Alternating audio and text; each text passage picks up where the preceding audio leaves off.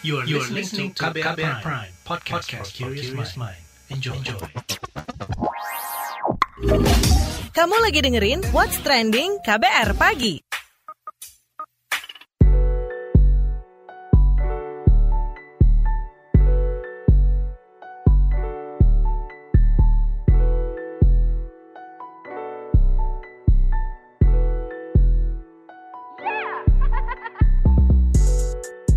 KBR Pagi, siaran pagi radio paling update. Selamat pagi. Apa kabar Anda hari ini di hari Jumat 9 Juli 2021? Kembali lagi saya Don Brady menemani pagi hari Anda di What's Trending KBR Pagi pastinya yang selalu ngobrolin hal-hal yang lagi ramai diperbincangkan. Kita ngobrolin soal pengawasan gerak warga lewat platform digital. Jadi pergerakan masyarakat ini akan dilacak dengan menggunakan teknologi digital selama masa pemberlakuan pembatasan kegiatan masyarakat atau PPKM darurat Jawa Bali 3 hingga 20 Juli 2021. Nah, juru bicara Kementerian Koordinator Bidang Maritim dan Investasi Jody Mahardi menyebutkan bahwa pemerintah pusat telah menjalin kerjasama dengan beberapa platform digital dan media sosial serta provider telekomunikasi yang dapat melakukan tracking perjalanan masyarakat selama pemberlakuan PPKM darurat ini. Menurutnya, jika di lapangan masih terlihat pergerakan yang cukup masif, sistem akan memberikan notifikasi dan akan disampaikan kepada pemerintah daerah. Selanjutnya, aparat yang akan menindaklanjuti untuk mitigasi. Sementara itu, Menteri Komunikasi dan Informatika Menkominfo Joni G. Plate juga melakukan pemantauan dari jaringan telekomunikasi warga. Kata dia, pihaknya memanfaatkan traffic internet melalui BTS dan merefleksikan pergerakan sekaligus menertibkan wilayah yang mengindikasikan kerumunan. Lantas bagaimana respon netizen plus 62? Kita simak berikut ini.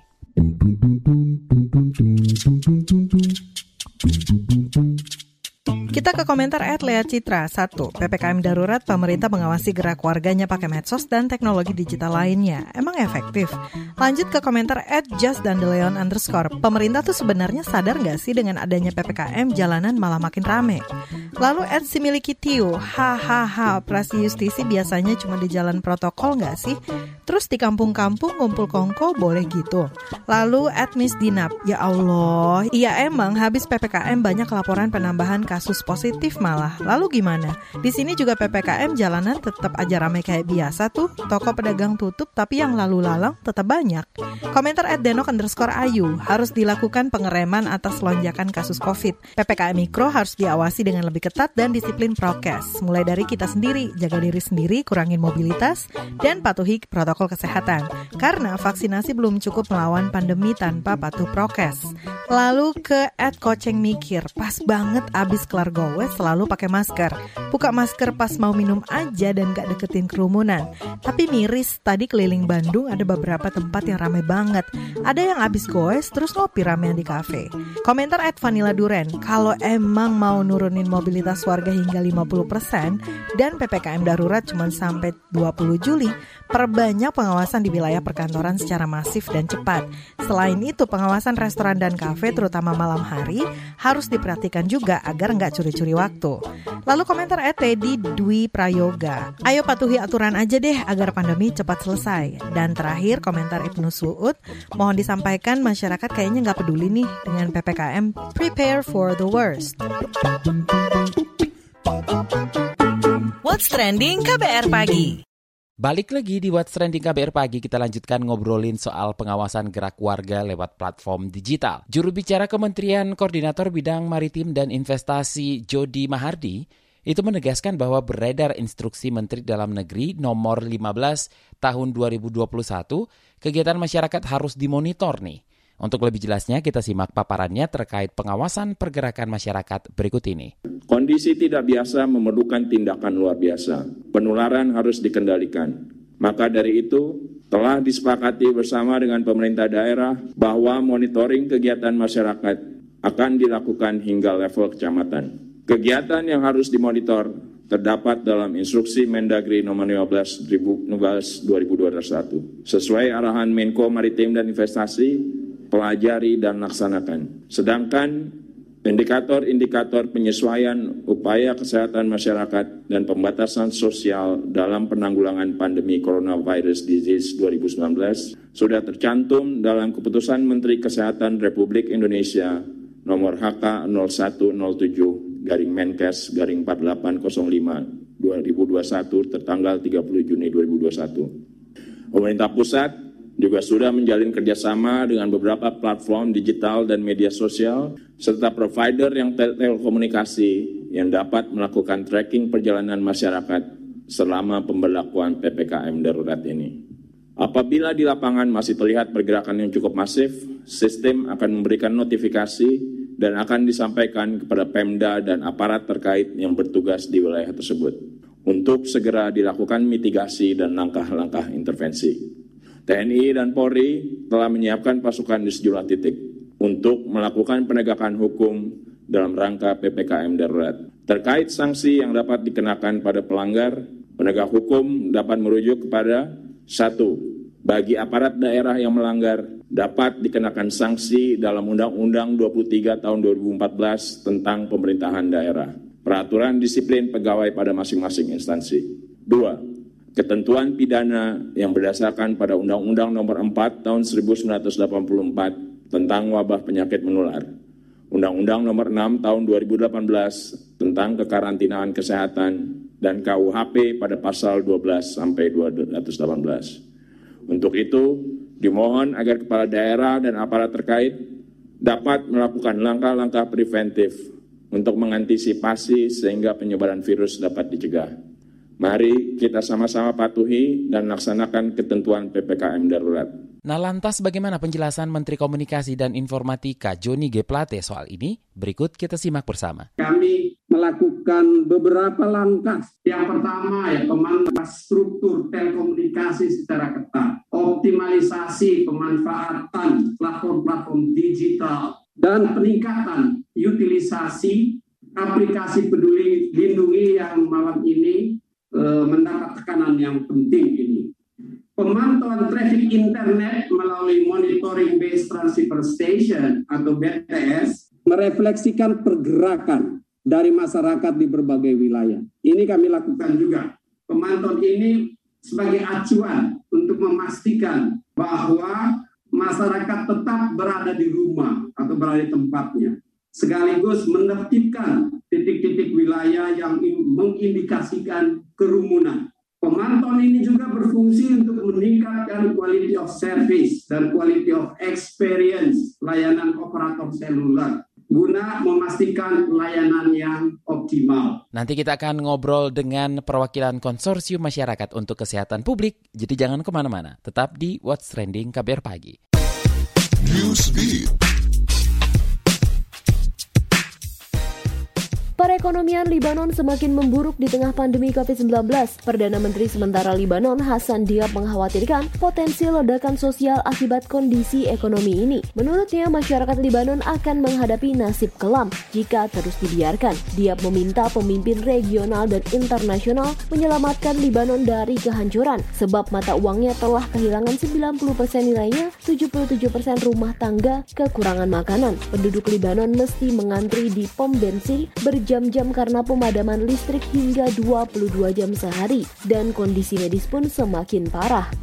Institut Penyelidikan Pengobatan IMR di Malaysia sudah menyelesaikan kajian penggunaan rapid test antigen COVID-19 dengan sampel air liur. Dirjen Kesehatan di Kementerian Kesehatan Malaysia, Nur Hisham Abdullah di Kuala Lumpur mengatakan kajian sudah selesai dan rincian panduan penggunaan kit uji mandiri ditargetkan selesai pekan depan. Nur Hisham mengklaim dua kajian uji COVID-19 secara mandiri dengan air liur memiliki angka sensitivitas hingga lebih dari 90 persen dan keakuratan 100%. Nantinya dengan kit uji COVID-19 menggunakan air liur itu, masyarakat tidak perlu datang langsung ke fasilitas layanan kesehatan.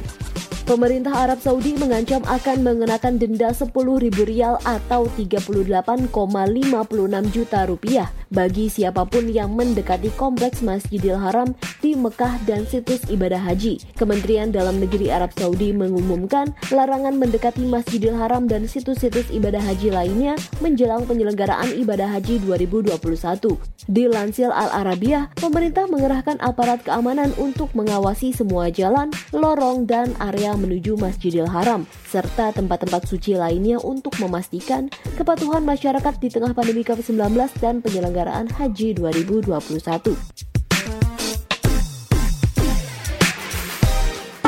What's Trending KBR Pagi. Masih bersama saya Don Brady, kita lanjutkan ngobrolin soal pengawasan gerak warga lewat platform digital. Perwakilan Konsorsium Masyarakat untuk Kesehatan Publik Asfinawati memberikan catatannya terkait dengan langkah pengawasan masyarakat tersebut. Seperti apa? Sudah bersama saya Asfinawati, kita tanyakan langsung. Oke, pemerintah bekerja sama dengan platform digital dan medsos juga provider telekomunikasi untuk tracking perjalanan masyarakat selama PPKM darurat nih.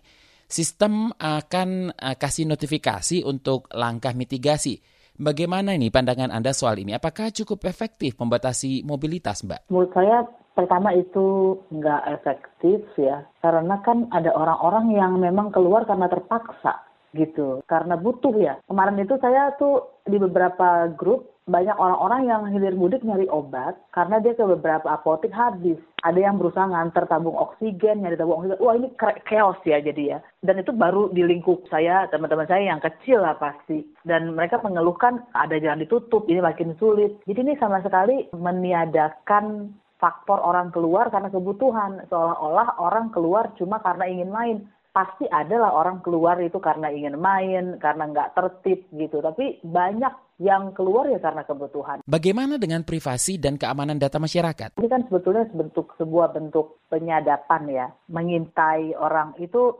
meskipun ini dalam kondisi darurat, menurut saya itu tetap melanggar hak asasi manusia e, karena penyadapan itu ada batas-batasnya gitu. Ini memang tren di seluruh dunia ya karena COVID dan ini sebetulnya kita tahu dari mana nanti tidak digunakan setelah COVID tidak ada lagi. Ini sangat membahayakan sebetulnya. Selain itu saja karena penduduk Indonesia banyak, berapa sih jumlah aparat gitu ya? Emang cukup untuk langsung mengejar orang yang ke sana kemari. Tracing aja pemerintah Indonesia nggak sanggup kok melakukannya, sudah terbukti kan. Apalagi kan sudah ada sudah ada kasus kebocoran data dari pemerintah kan. Jadi ini bukan cuma kita khawatir kan udah terjadi gitu, udah pernah terjadi data bocor. Bagaimana sih Anda melihat kebijakan-kebijakan yang selama ini diambil oleh pemerintah? Sudah tepatkah? Pemerintah ini kelihatan banget nggak punya kebijakan yang lurus ya. Berganti-ganti selalu, dalam arti berganti-ganti itu e, memang tidak serius ya. Misalnya saja sekarang PPKM darurat. PPKM terus kemudian orang di yang keluar itu dan sebelum-sebelumnya juga ya itu diancam dengan pasal di Undang-Undang Kekarantinaan Kesehatan. Pertanyaannya memang di Undang-Undang 6 2018 ada PPKM darurat kan nggak ada.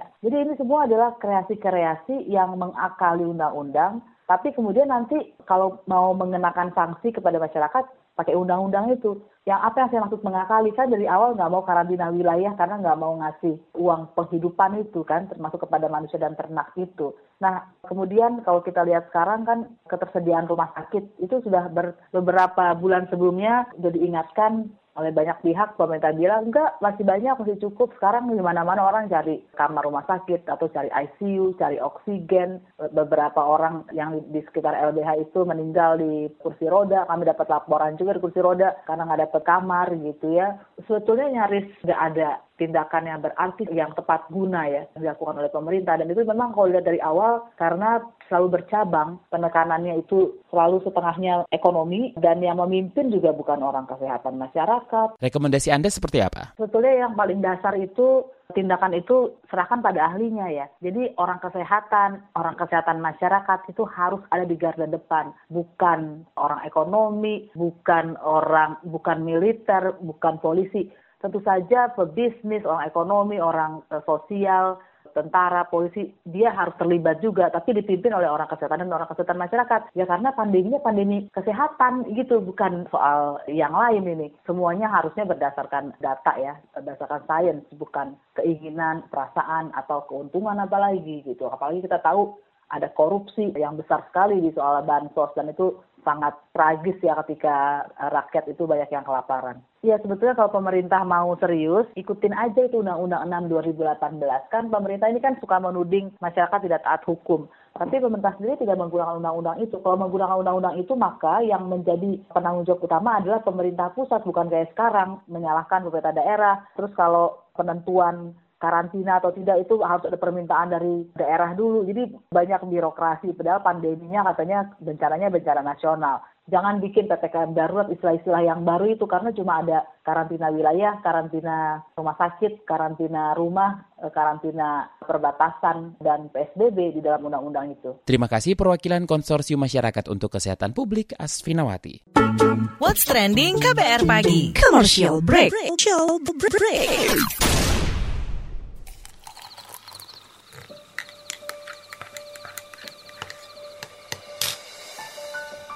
Hai, kamu apa kabar? Masih suka menikmati senja dan kopi? Aku masih ingat kebiasaan kita. Sehabis pulang kerja, selalu mencari tempat untuk sekedar ngobrol dan ngopi. Tapi kadang kita kehabisan bahan obrolan. Aku masih melakukan hal yang sama sampai sekarang tanpa harus takut habis bahan buat ngobrol karena aku selalu mendengarkan KBR sore dari Senin sampai Jumat jam 4 sore. Ah, aku rindu. KBR Inspiratif Terpercaya. What's trending KBR pagi? WhatsApp Indonesia. WhatsApp Indonesia dimulai dari Jakarta.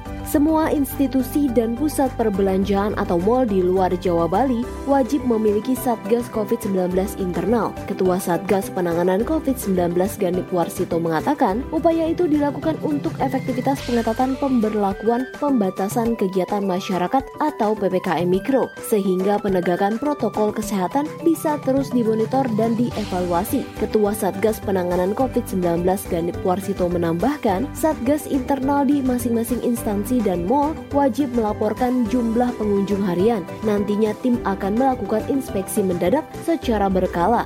Dia menyebut telah menerjunkan 450-an ribu petugas untuk memonitor perubahan perilaku masyarakat. Kasus aktif COVID-19 di luar Jawa Bali meningkat sekitar 30-an persen dalam sepekan terakhir. Kenaikan terbanyak terjadi di Papua dan Kalimantan Timur. Selanjutnya menuju Jawa Tengah. Pemerintah Provinsi Jawa Tengah membentuk tim satuan tugas atau Satgas Oksigen untuk memastikan ketersediaan stok oksigen bagi pasien COVID-19 di sana. Gubernur Jawa Tengah Ganjar Pranowo menjelaskan Satgas Oksigen merupakan tim gabungan dari sejumlah instansi dan Ditreskrimsus Polda Jateng. Menurut Ganjar, Satgas Oksigen ditugaskan untuk menghitung seluruh ketersediaan oksigen hingga memastikan suplai oksigen ke rumah sakit rujukan COVID-19. Selain itu, Satgas Oksigen juga diminta untuk mendata kebutuhan oksigen di sejumlah rumah sakit di Jawa Tengah, membantu dan mencarikan jalan keluar untuk pemenuhan oksigen. Pemprov juga tengah berupaya menyediakan pengadaan tangki oksigen, yakni dengan cara mengganti tabung oksigen dengan tabung lain sesuai spesifikasi yang telah ditetapkan. Sebelumnya, sejumlah daerah mengeluhkan ketersediaan tabung oksigen untuk pasien COVID-19 semisal di Bandung, Jawa Barat, Banjarnegara, dan Jawa Tengah. Terakhir mampir daerah istimewa Yogyakarta. Pemerintah provinsi di Yogyakarta melalui Dinas Sosial DIY menyiapkan 59 shelter untuk isolasi mandiri bagi warga yang dinyatakan positif COVID-19 dengan gejala ringan. Dari 59 shelter tersebut, baru terisi 14 shelter dengan 211 orang yang melakukan isolasi mandiri. Shelter tersebut bisa diakses oleh penyintas secara gratis dengan fasilitas yang sudah disiapkan disiapkan. Kepala Dinas Sosial DIY Endang Patmintarsih mengatakan puluhan shelter tersebut berkapasitas antara 10 hingga 72 kamar. Shelter tersebut memanfaatkan berbagai bangunan baik milik Pemda, sekolah maupun gedung milik kelurahan dan Kapanewon di DIY, termasuk Balai Diklat Kementerian Sosial. Menurut Endang, 59 shelter tersebut sudah beroperasi sejak 1 Juli lalu sebagai upaya mengantisipasi lonjakan pasien positif yang terjadi sejak pertengahan bulan Juni. Adapun syarat yang harus dipenuhi oleh masyarakat yang dinyatakan positif COVID-19 adalah membawa hasil swab antigen atau PCR positif dan fotokopi KTP. Demikian WhatsApp Indonesia hari ini. Demikian KBR Pagi, jika Anda tertinggal siaran ini, Anda kembali bisa menyimaknya di podcast What's Trending yang ada di Spotify dan di kbrprime.id atau di aplikasi mendengarkan podcast lainnya. Don Brady undur diri, have a nice weekend, have a nice day, stay safe, bye-bye. Terima kasih ya sudah dengerin What's Trending KBR Pagi. KBR Prime, cara asik mendengar berita. KBR Prime, podcast for curious mind.